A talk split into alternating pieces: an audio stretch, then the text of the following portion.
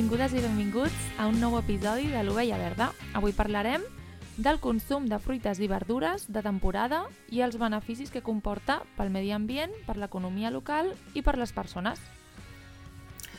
Actualment hi ha una situació que moltes persones viuen i és que hi ha una desvinculació amb el camp, no?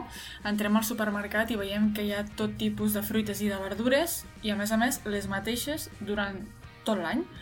Llavors, és com que hem perdut una mica la, la idea aquesta de que segons la temporada hi ha uns aliments o hi ha uns altres. Sí, a veure, la Marta almenys perquè és de camp. Jo sóc superurbanita, realment, i he après moltíssim en aquest episodi, però és veritat que, per exemple, vaig veure un vídeo viral d'un escriptor que parlava de la gent urbanita que volia anar a viure al camp amb tota aquesta situació i, i deia que no sabia ni de, ni de quin arbre sortia l'enciam.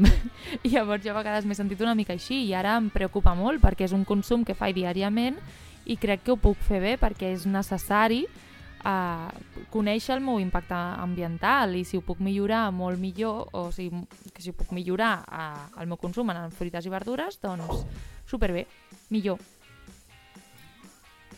Parlem de per què hem de consumir de temporada i local. No podem deixar de parlar del consum local quan parlem del consum de temporada. Són dos conceptes que van molt de la mà, ja que al final doncs, es tracta de fer un consum sostenible i quan parlem de consum, consum sostenible en quant a alimentació, temporada i local va molt de la mà. En quant al medi ambient, per què és important? Doncs de fet, eh, això crec que és una, se sap bastant, no?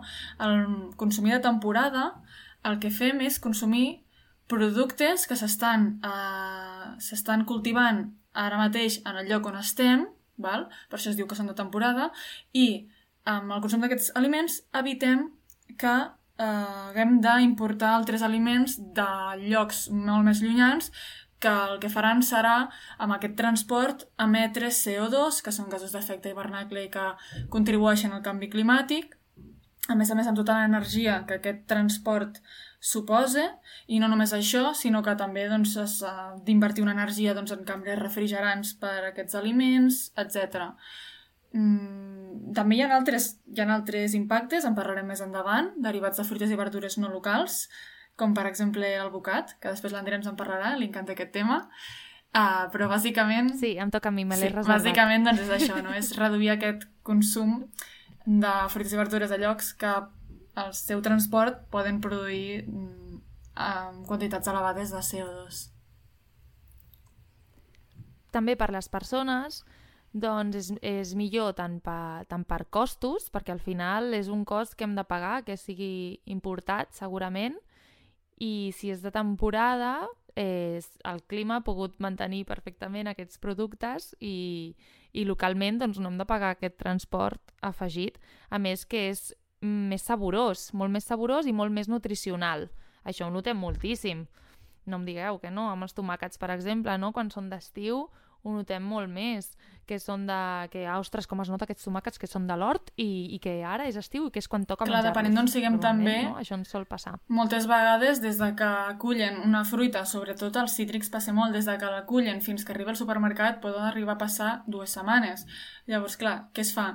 perquè no es podreixi aquesta fruita, es cull verda o immadura. Per tant, ja no li donem aquest temps de maduració que li aportarà molts més nutrients i molts més beneficis doncs, nutricionals per nosaltres. Després, per l'economia local, a veure, al final són els nostres diners, eh, no sé els vostres, perquè cadascuna doncs, fa, fa el que vol amb els seus diners, però els meus diners no aniran a una multinacional, en, a un supermercat, si puc anar a la fruiteria del meu barri. Que això, evidentment, doncs, és decisió personal de cada persona, però... Exacte, decisió personal de cada persona. Llavors, eh, els meus diners vull que prefereixo que vagin a, a un agricultor o agricultora i a la seva família, que a més eh, aquests beneficis eh, després revertiran en, en... Al cap i a la fi és, és la societat que ens envolta, no? Exacte, Llavors, si invertim en aquesta societat que ens està envoltant, sí. revertirà després en, en, en nosaltres mateixes.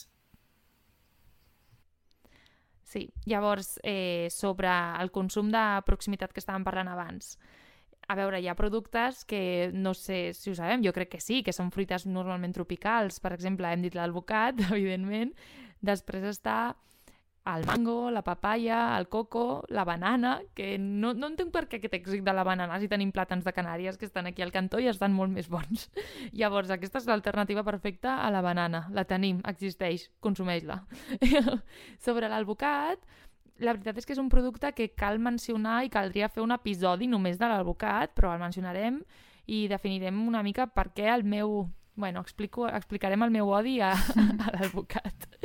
Que hi ha gent que em mira, no? La Marta m'està mirant com... Sé, conec el teu odi, però a veure, anem a explicar-lo. Resulta que l'alvocat té, un, té un impacte ambiental molt gran perquè necessita molta aigua i molta terra. Llavors, a Mèxic, que és el principal productor, i el principal eh, país que exporta albocats, doncs eh, estan patint situacions de deforestació per poder cultivar aquest albocat. Hi ha sobreexplotació també dels aquífers d'on treuen l'aigua, perquè al final és que és un producte que necessita molta aigua. O sigui, per produir tres albocats necessites mil litres d'aigua. És moltíssim. I no només és l'impacte ambiental de la producció, també del transport, com hem dit abans, perquè aquí es, es consumeixen albocats importats, i també l'impacte social, o sigui, com ara se li diu or verd a l'alvocat, perquè quasi ha augmentat moltíssim el seu consum, està molt de moda, hi ha molt de postureig instagramil amb l'alvocat. I, i s'ha fotut allà el càrtel de, el càrtel narco, de nar narcotraficants i en comptes de negociar amb, amb altres substàncies, eh, negociant amb l'alvocat de lo rentable que és. Sí, i després és veritat que hi ha albocats nacionals i com, com també n'hi ha de papaya, la guayaba, la guayaba i els kiwis, que és veritat que són productes nacionals i pot ser que tinguin un impacte menor, sobretot en el transport, ens ho estalviem, però en concret amb l'alvocat és que aquí tampoc ens sobra aigua com per produir alvocat. Llavors jo moderaria el nostre consum, sobretot. Menció especial feta. Alternativa, no consumir alvocat, moderar el nostre consum i uh, consumir olivada en lloc de... Guacamole, exacte. De, com es diu? Menja... En lloc de guacamole, sí, menja olivada, no menja... Olivada, reivindiquem el paper de la, de la olivada. Sí, els típics pica-pica. Mm, olivada en comptes de guacamole. Exacte. És totalment. I que us mirin malament si fa falta. Jo us, jo us miraré molt bé. Podeu... Mm, podem... Amb els plats, plats i gots de vidre i olivada. Exacte, i podem fer difusió a les xarxes. Us ho, si, ens, si ens mencioneu, ho farem, farem RT o com es digui. I tant. Llavors, què podem fer nosaltres per consumir de temporada? bueno, primer tenim molt clar eh, quins aliments, quines fruites i verdures hi ha a cada temporada. Llavors, què podem trobar, per exemple, a l'hivern? Mm, de fruites, caquis, per exemple, raïm, codony, llimona, magranes, mandarina, poma, pomelo, taronja... Llavors, pel que fa a les verdures, doncs pensem, així per recordar-nos en ràpid, que ens ve de gust quan tenim molt de fred, venim del carrer i entrem a casa, un caldo calentet, no? Què porta el caldo? Eh, doncs eh, nap, mm, col, patata, eh, bledes, api...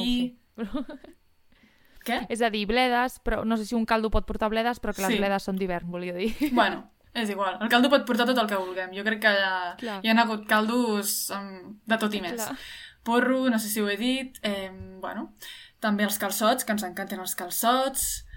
Què més tenim? A la... bueno, de fet, hi ha moltes verdures que... Vull dir que no, no, no cal que ens avorrim, perquè tenim moltíssima varietat i hi ha molt per escollir.